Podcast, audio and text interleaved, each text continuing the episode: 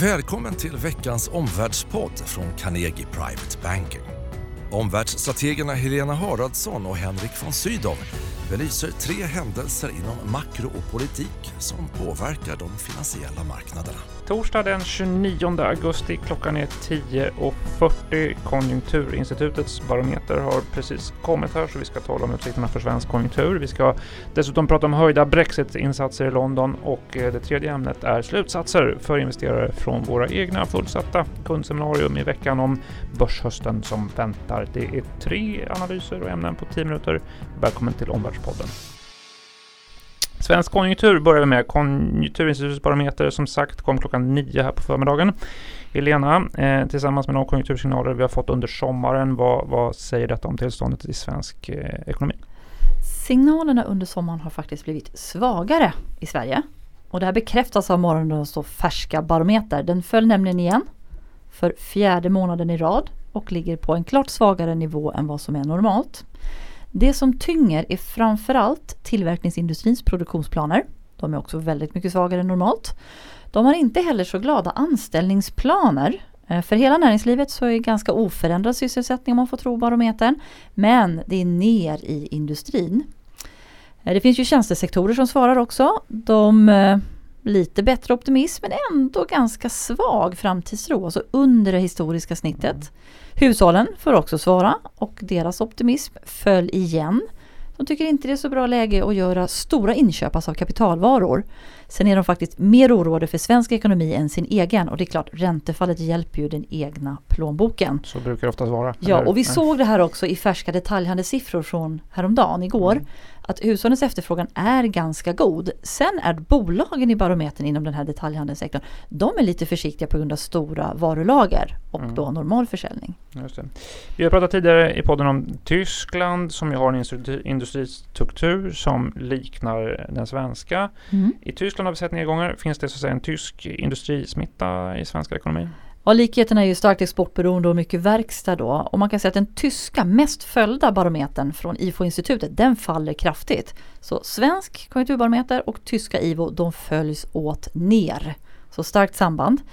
Eh, lite intressant tycker jag att notera då att eh, Carnegie Analys småbolagsbarometer som mm. kom tidigare i veckan, man gör den varannan månad till skillnad från de andra som görs varje månad då. Den var mycket svag, särskilt i verkstad.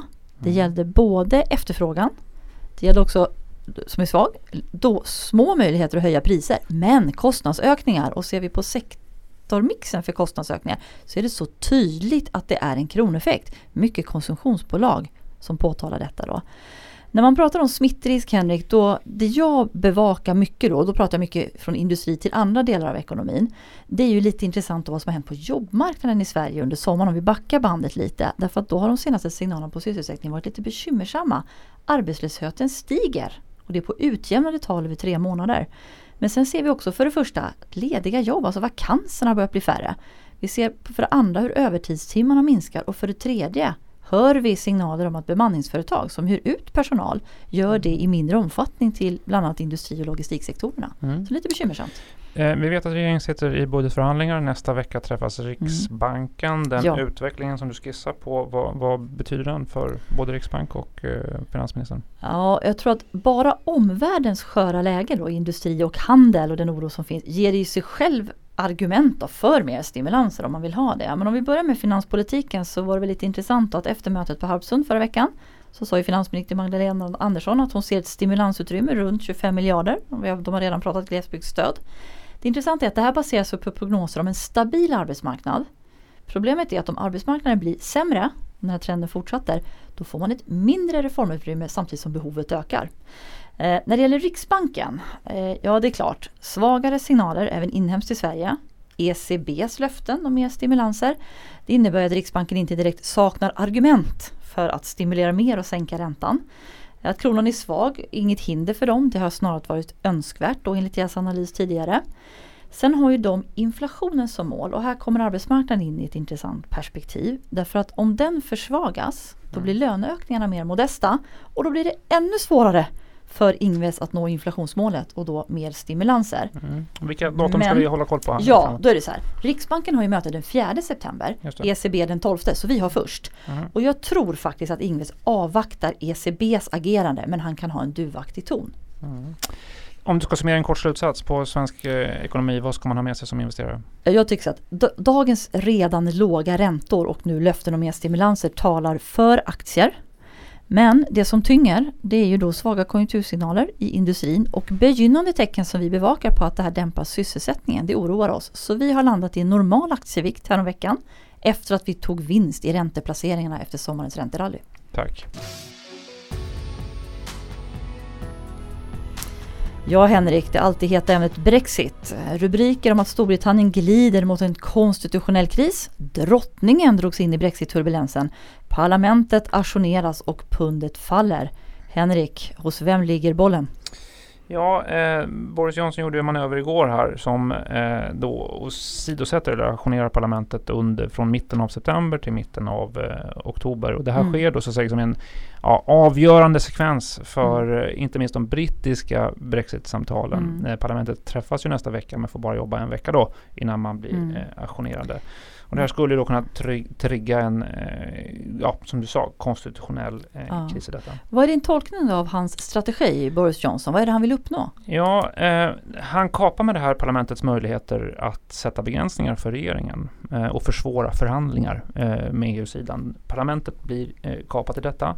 Han vill med detta också trycka ihop tiden så att säga.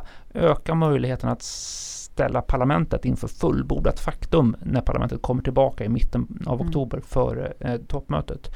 Han har ju tidigare velat spela då lite det som ibland kallas för chicken race. Att visa att han räds inte ett avtalslöst utträde. Det försökte ju mig också men hade ingen Mm. riktig trovärdighet i det här. Han vill öka så att säga, liksom, trovärdigheten i hans förhandlingsposition. Att de inte räds det avtalslösa utträdet. Och då vill han inte bli begränsad av parlamentet. Um, så det är väl det han Mm. eh, hoppas på. Vara tuff helt enkelt. Ja och sen kan han komma tillbaka då med ett Mm. justerat, modifierat avtal möjligen. Mm. Som parlamentet, ja, för att undvika ett avtalslöst utträde måste ta ställning till. Ja, men igår så var ju också svenska finansministern ute och varnade för ett avtalslöst utträde och en hård Brexit. Då. Och vad blir konsekvenserna av en sånt avtalslöst situation?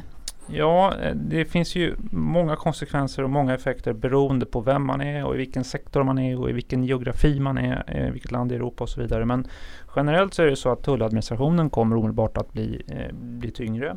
Eh, det kommer komma tullar. Eh, eh, vi kommer få se längre frakttider eller frakttider som Mm. förlängs. Transporterna blir påverkade. Flera olika flöden eh, Mm. kommer påverkas eh, av, av det här.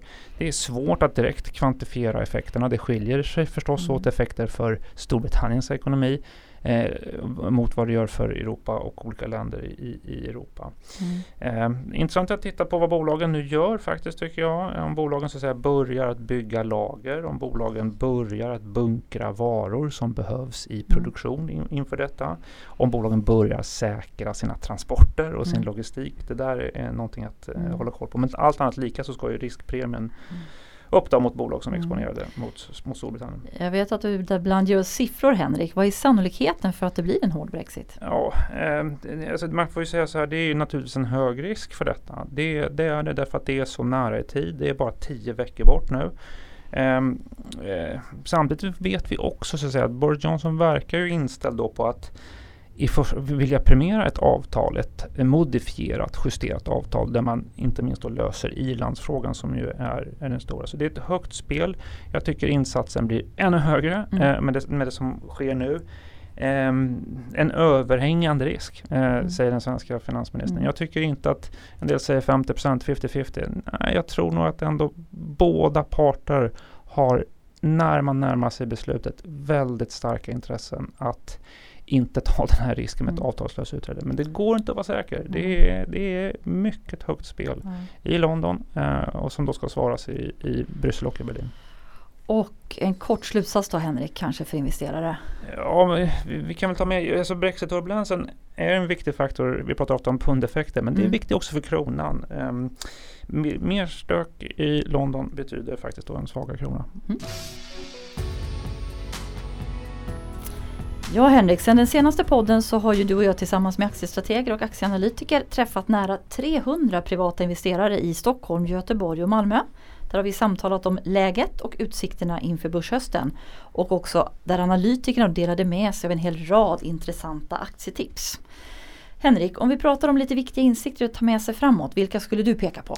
Ja, vi pratade ju flera eh, olika sektorer på Stockholmsbörsen. Eh, man kan kanske arrangera lite tripp, trapp, trull. Här så att säga tripp eh, så kommer verkstadsindustrin då där så att säga en mild recession är rätt inprisad i, i, i värderingarna just nu.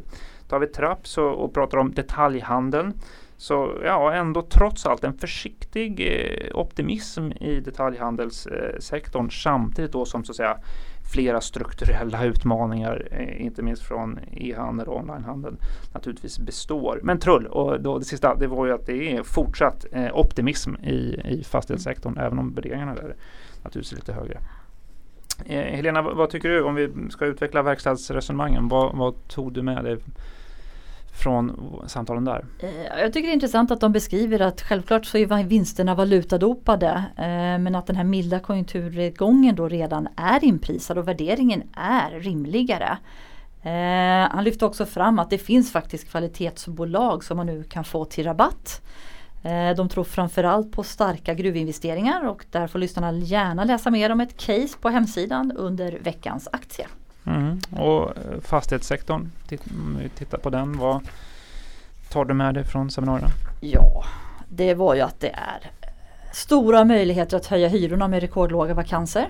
Det fanns ingen utbudschock, i alla fall inte de närmsta två åren som kunde störa. Eh, intressant också att man pratar om det här gapet mellan dagens väldigt låga räntenivå och fastighetsavkastningen. Att det är ett helt unikt stor skillnad och det är då till sektorns fördel. Sen var det ju lite spännande också när de pratade om det här stora byggprojektet vid Sergels torg där bland annat då spelbolaget King ska hyra in sig för ryktet säger att man mm. får ut 9000 kronor per kvadratmeter. Mm. Och bolagen i konsumtionssektorn och detaljhandeln det är de bolagen som just nu är lite eh, upprörda på fastighetsbolagen kanske ja. då med höga hyror. Du, precis, höga kostnader. Ja. ja. det var ju naturligtvis då strukturella motvindar från e-handeln som pressar marginaler. Det var nästan så att det lät som att alla tjänar mindre. Det lite intressanta är ju att det gamla sambandet att eh, det var lönsamt att starta nya butiker för vinsten. Mm. Det sambandet finns inte, det har brutit samman. Samtidigt som du sa Henrik, han var något mer positiv. Det finns ju vissa bolag som gör mer rätt nu. Och han såg också i vissa aktier då en eh, överdriven oro som förhindrar omvärdering där det kan finnas stor potential. Mm. Sen eh, även inom hälsovård så delade ju faktiskt analytiker med sig av vilka bolag som bör finnas i en portfölj och vilka man ska undvika. Ja, det var flera eh, aktierekommendationer också där ska sägas. Eh, vad, vad, tycker du är den sammanfattande slutsatsen för eh, investerare från övningarna? Ja, då lyssnade vi på Carnegie Analys aktiestrateg som sa att ränteeffekterna är ju redan på plats för börsen. Det finns en uppsida om orosmolnen försvinner. Så Stockholmsbörsen kan ta fart om bara vinsterna inte faller, det vill säga vi undviker en vinstrecession, vilket är deras scenario. Mm. Uh, och han var ganska tydlig. Hans rekommendation för bäst balans i den svenska aktieportföljen då, i det här osäkra läget, det är att man ska ha en fot faktiskt i dyra bolag. Det är ju de som upplevs som trygga hamnar, defensiva eller de som har bra tillväxtpotential. De bolagen, trots att de är dyra, kommer klara sig bra i oro. Men man ska också ha en fot i de lite mer billiga bolagen för det är ofta de här som man tycker är lite mer risk, alltså konjunkturkänsliga, cykliska. Det är en risk men de har låg värdering, man ska bara välja dem väl. Så en fot i varje läger är bäst balans. Men det kan vi också sammanfatta dagens tre slutsatser. Mm. Eh, nummer ett, svag konjunkturbarometer i Sverige. Vi bevakar särskilt smittrisken till arbetsmarknaden. Två, Brexit-turer och processer är en viktig faktor för kronan. Mer stök, svagare krona. Och det tredje då från Börshösten 2019, vårt seminarium. Åh, vad mycket intressanta aktiecase det finns. Tala gärna mer med din rådgivare. Mm. Den 5 september, nästa torsdag, så träffar både du och jag tillsammans med våra aktieanalytiker eh, kunder i Linköping på kvällen 17.30 på restaurang Storan. Är du eh, kund i Linköping så hör av dig till vårt kontor för att medverka på kvällen där. Eh, det blir också en omvärldspodd nästa torsdag. Tack för att du har lyssnat idag. Tack för att du har lyssnat på Omvärldspodden från Carnegie Private Banking. Vill du veta mer om vad som händer i vår omvärld och få aktuella idéer till affärer? Gå då in på www.carnegie.se veckans viktigaste och prenumerera på vårt nyhetsbrev.